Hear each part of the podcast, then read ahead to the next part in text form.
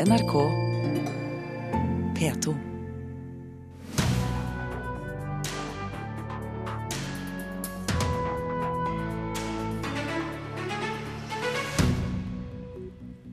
Unge flykter fra bloggen. Antall lesere halvert på ti år. Russland seiler opp blant favorittene i Eurovision Song Contest, og dermed stiger bekymringen blant den homofile, lesbiske og transkjønnede fanbasen. Og britene feiret Shakespeares 400-årsjubileum lørdag. Prins Charles var med i en av sketsjene.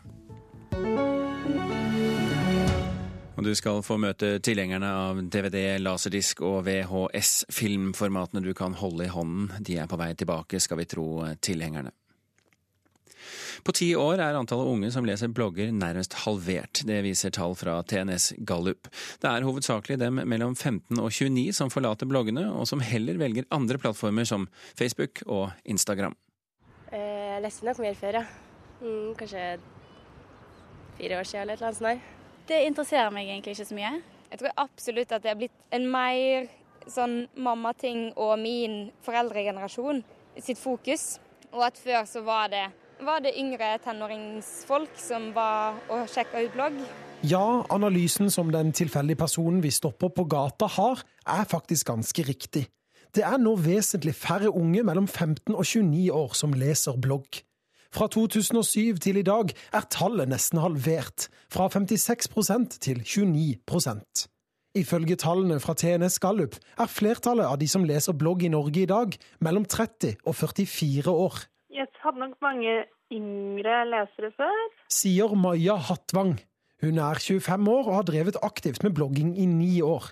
Hun merker at leserne hennes er i ferd med å bli eldre. Før tror jeg nok jeg mest nådde de som var på min alder eller yngre, mens nå er det folk som er nesten dobbelt så gamle som meg, plutselig, som leser.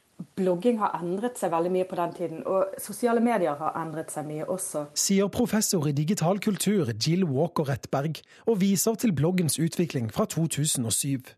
Hun mener de yngste leserne har flytta seg fra bloggen til sosiale medier. Facebook og, og, og, Tumblr og Twitter og alle disse kommersielle tjenestene de har jo overtatt veldig mye av det blogging ofte var for mange før. Altså det at du bare kan dele tanker raskt og enkelt. Tallene fra TNS Gallup viser også en kraftig nedgang blant dem som skriver egen blogg. Og nedgangen skyldes utelukkende dem mellom 15 og 29 år. Det at de unge forsvinner over på sosiale medier er synd og mer upersonlig, fordi de sosiale mediene er mer styrt av dem som driver dem, mener Walker Rettberg. Du kan godt si at det er ganske synd, for bloggene, noe av det flotteste med blogger var jo at vi eide de sjøl. Du styrte din egen bitte lille nettside uavhengig om den var stor eller liten. Mens nå er vi jo helt takket altså Vi må jo bare ta til takke med det som tilbys av Facebook eller Snapchat. Det at flertallet av de som leser blogger nå er mellom 30 og 44 år, gir også et utslag i hva slags type blogger som er populære. Topplisten over de mest populære bloggerne viser nå i større grad at 40-årige mat- og barnebloggere har overtatt bloggsfæren. Ja, det er muligens flere enn 40 år gamle matbloggere. Sier Hattvang. Hun tror konkurransen om leserne på bloggmarkedet vil bli tøffere i årene som kommer. Blogger vil forhåpentligvis få krav til kvalitet på innholdet. At man må liksom virkelig levere hvis man skal klare seg. Det sa blogger Maja Hattvang til reporter Christian Ingebretsen.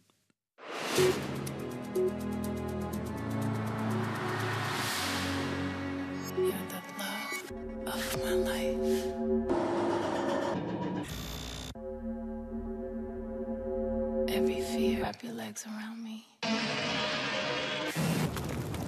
Ja, Det vi hører her, det er et utdrag fra traileren til musikkspesialen til artisten Beyoncé, som ble sendt på HBO i helgen. Samtidig kom hun med et nytt album, og Trine Unnskyld, Stine Tråholt, eh, reporter. Hvordan har albumet blitt mottatt? Med en enorm oppmerksomhet, vil jeg si. Eh, popdronninga hun la ut eh, dette albumet med tolv nye låter på strømmetjenesten Tidal natt til søndag, rett etter denne timen timelange musikkspesialen på HBO.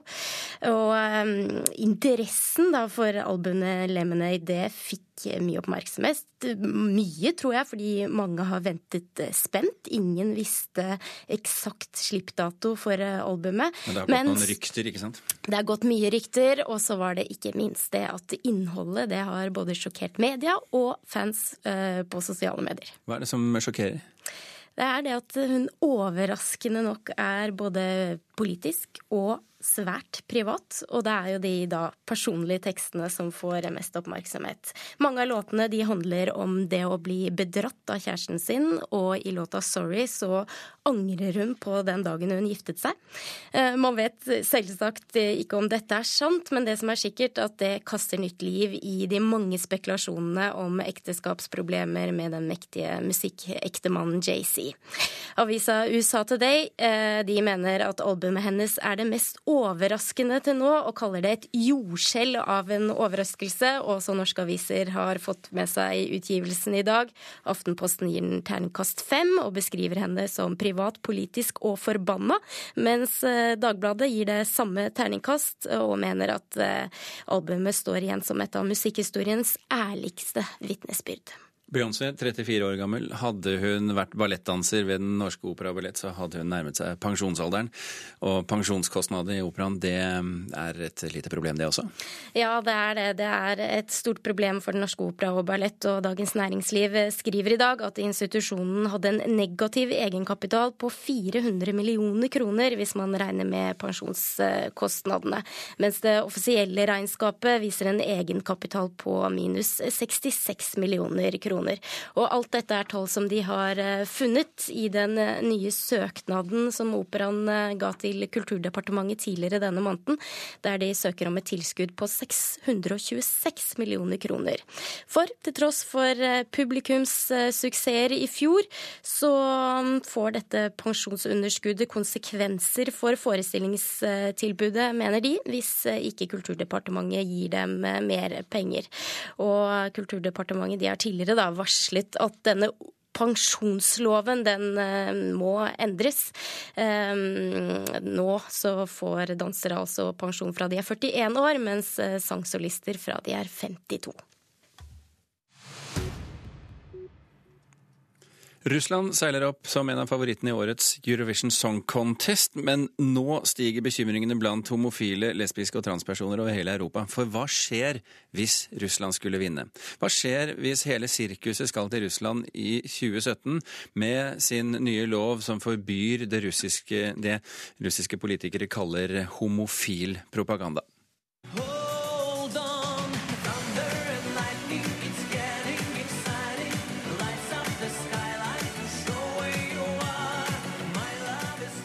Moskva-korrespondent Morten Jentoft, her hører vi Russlands bidrag. Sergej Lazarev, en av Russlands mest populære artister. Tror russerne at han kan vinne? Det har vært mye oppmerksomhet rundt uh, Sergej Lazarev her. Han er jo uh, et stort navn her.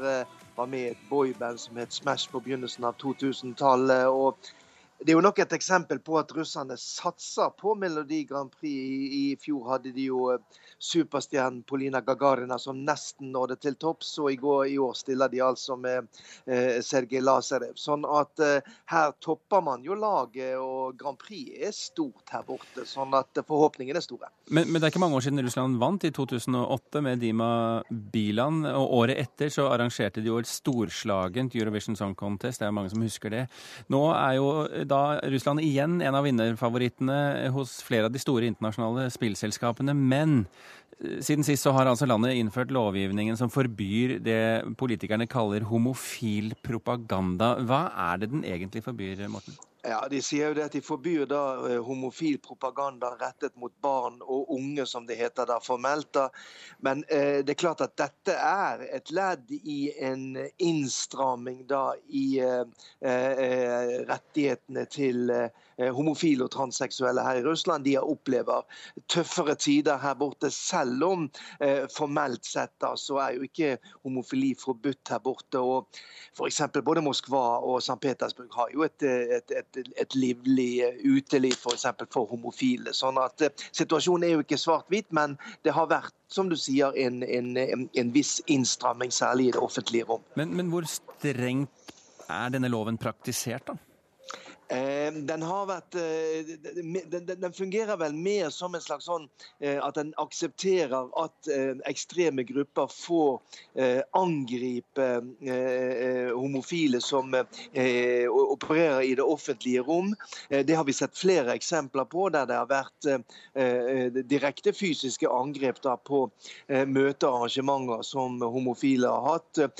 Angrep på klubber der de oppholder seg. Sånn at eh, det virker mer som på en måte en slags sånn eh, det gir et slags aksept for at eh, ekstreme nasjonalistiske grupper da kan føre en tøffere ordbruk, også direkte da fysisk, og til angrep på homofile her i, i, i, Russland. Og Da må man jo spørre seg, siden Melodi Grand Prix er et symbol for homofile, lesbiske og transpersoner over hele Europa, og vi husker jo Dana International som vant i 1998.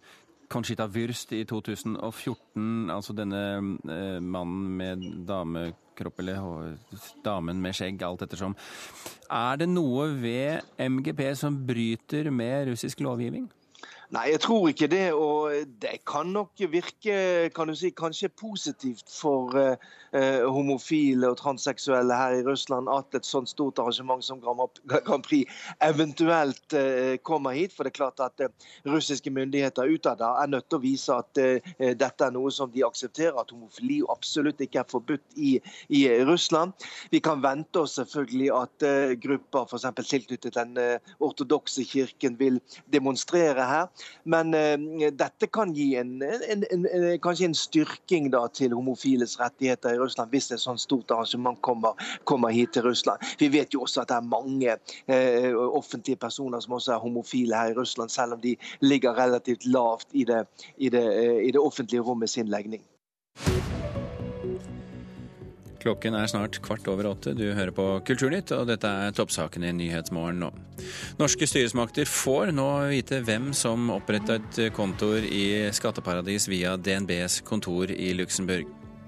Ny UDI-kampanje starter i dag. De første 500 asylsøkerne som melder seg for å forlate landet, får 10 000 kroner i ekstra reisepenger. Og ett av fire tilfeller blir ikke rapportert når psykisk syke pasienter blir lagt i belter. Det er problematisk, mener Sivilombudsmannen.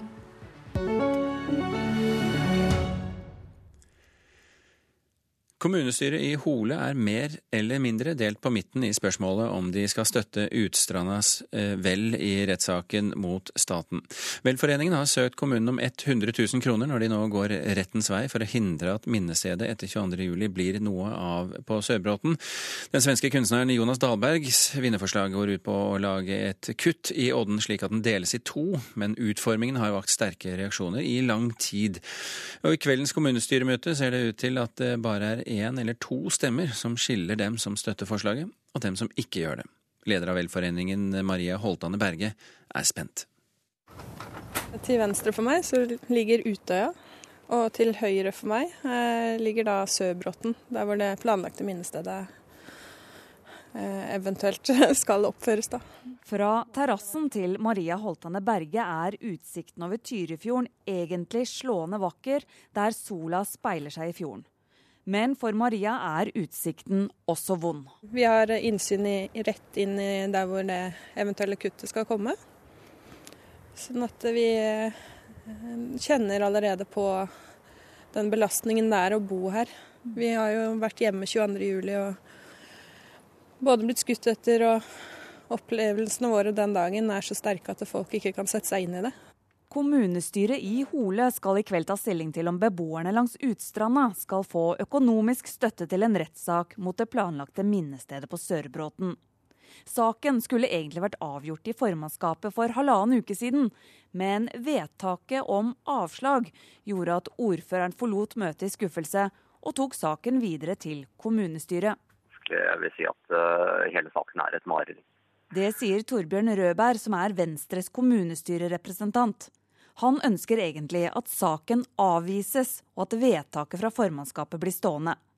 Men må han stemme, vil han si nei til økonomisk støtte på opptil 100 000 kroner. Det er flere årsaker. og Den ene er at eh, det er ikke kommunens eh, oppgave å støtte private aktører i, en, eh, i et saks, søksmål mot staten.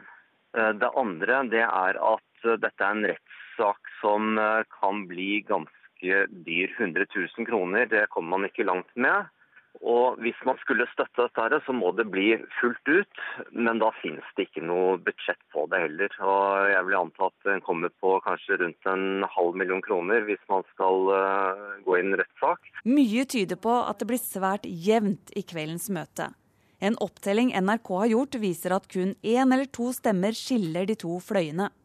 Det kan bli avgjørende at to tilhengere av forslaget har reist på ferie, og at de blir erstattet av vararepresentanter. Atle Haglund i Frp sier det blir en thriller. Jeg er veldig spent. Jeg har tenkt mye og snakka med folk, men det, det, det, veier eh, nesten midt på tre. Så det kan være en stemme eller to som avgjør at, eh, at vellet får støtte fra Hole kommune. Kan du huske en sak i kommunestyret i Hole hvor det har vært eh, så splitta meninger? Jeg har ikke hatt noen saker som ligner fryktelig på dette her, selvfølgelig. Da, men, uh, ikke, men vanligvis pleier det å være større enighet enn dette, ja.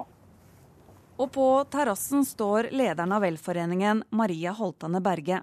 Om bare noen timer vil hun få vite om de får 100 000 kroner i støtte til rettssaken mot staten eller ikke. Hva tror du? Hvilken vei tipper det? Jeg har ikke lyst til å gjette engang. Altså, jeg håper bare at folk, eh, som jeg sier, uavhengig av politisk parti, velger oss å støtte oss. Hvor viktig er det at dere får den økonomiske støtten? Dere har jo sagt at dere vil klare det uansett. Det er det å føle at man har kommunen med seg. De sier jo at de støtter oss uansett. Men det er også noe med det at eh, man viser det utad, hvis man eh, velger å gi disse midlene. Det sa til slutt Maria Holtane Berge. Reportere var Bendikte Fjelli og Anette Skafjell. Kommunestyremøte i kveld altså, men eh, nå til noe som skjedde lørdag kveld i London.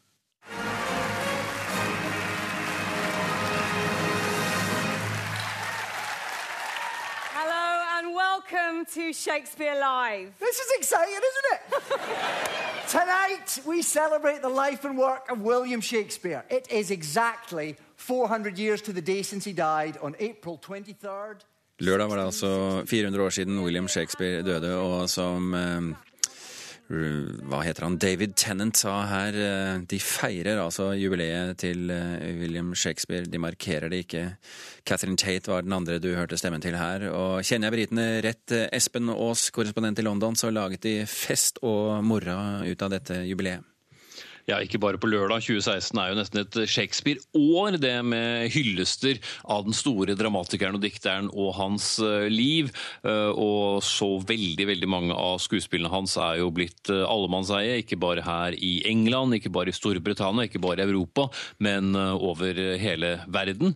Så både her i London og selvsagt også i hans fødested Stratford upon Avon, så var det hyllester og stor fest på, på rekke og rad gjennom hele hele den dagen, som jo også hvert eneste år eh, faller sammen med St. Georgsdagen, som er eh, på en måte da eh, nasjonaldagen for England. Så det var absolutt feststemning. Hva var høydepunktene på lørdag? Det var nok det vi hørte så vidt uh, litt av på begynnelsen her. Uh, en stor uh, festforestilling som også ble TV-sendt i, i, mange mange land. der kjente navn som ja, David Tennant, som vi hørte der, kjent fra bl.a. Dr. Who og Broadchurch. Dame Judy Dench, Ian McKellen og Benedict Cumberbatch. Alle sto på scenen og på et tidspunkt skulle ta en veldig, veldig velkjent linje fra Hamlet. Eh, men de fikk det ikke helt til. Det var, det var en ordentlig krangel, var det ikke det? Om hvordan man skulle vektlegge ordene i setningen 'to be or not to be'? Ja, eh, og hvordan, hvordan eh, prinsen av Danmark egentlig skulle si dette. Så til slutt så måtte de få hjelp fra noen som kanskje vet hvordan prinser snakker. Vi har et lite klipp her. Just leave him alone. Might I, might, might I have a word?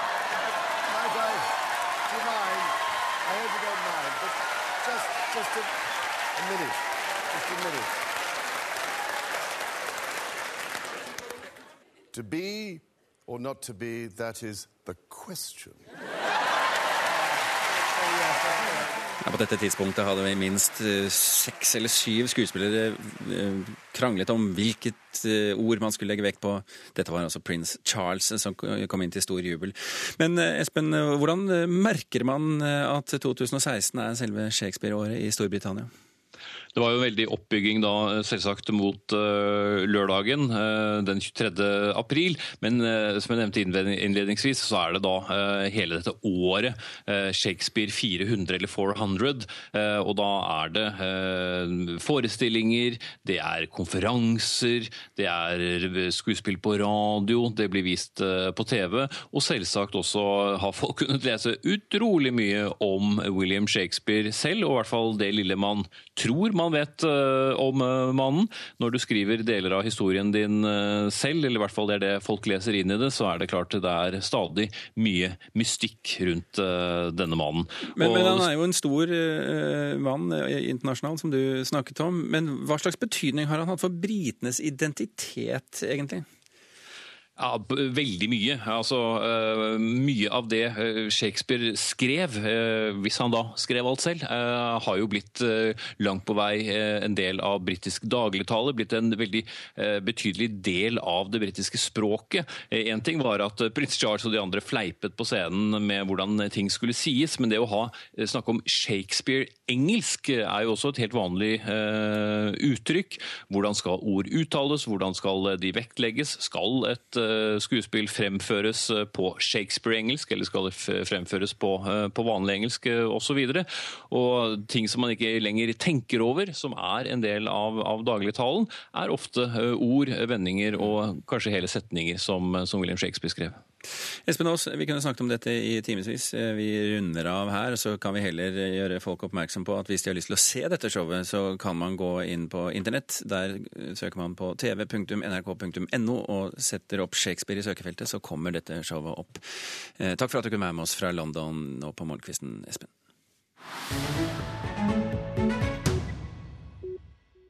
Salget av film i fysisk format har, som alle kjenner til nå, stupt kraftig de seneste årene. I 2010 ble det solgt over 16 millioner DVD-er og Blu-ray-disker i Norge, men i fjor ble det solgt bare litt over 4 millioner. Entusiastene har likevel troa på bedre tider. Salget er bare nede i en bølgedal, sier de. Det var i hvert fall gjennomgangstonen da vår reporter Eirin Venås Sivertsen besøkte Norges første filmmesse for fysiske formater, og den ble arrangert i Oslo i helgen. Jeg er på vei til Filmens hus i Oslo sentrum. Der arrangerer bransjebladet Filmmagasinet for første gang det de kaller Filmmessen. Her var det mye folk, kanskje ca. 50 akkurat nå.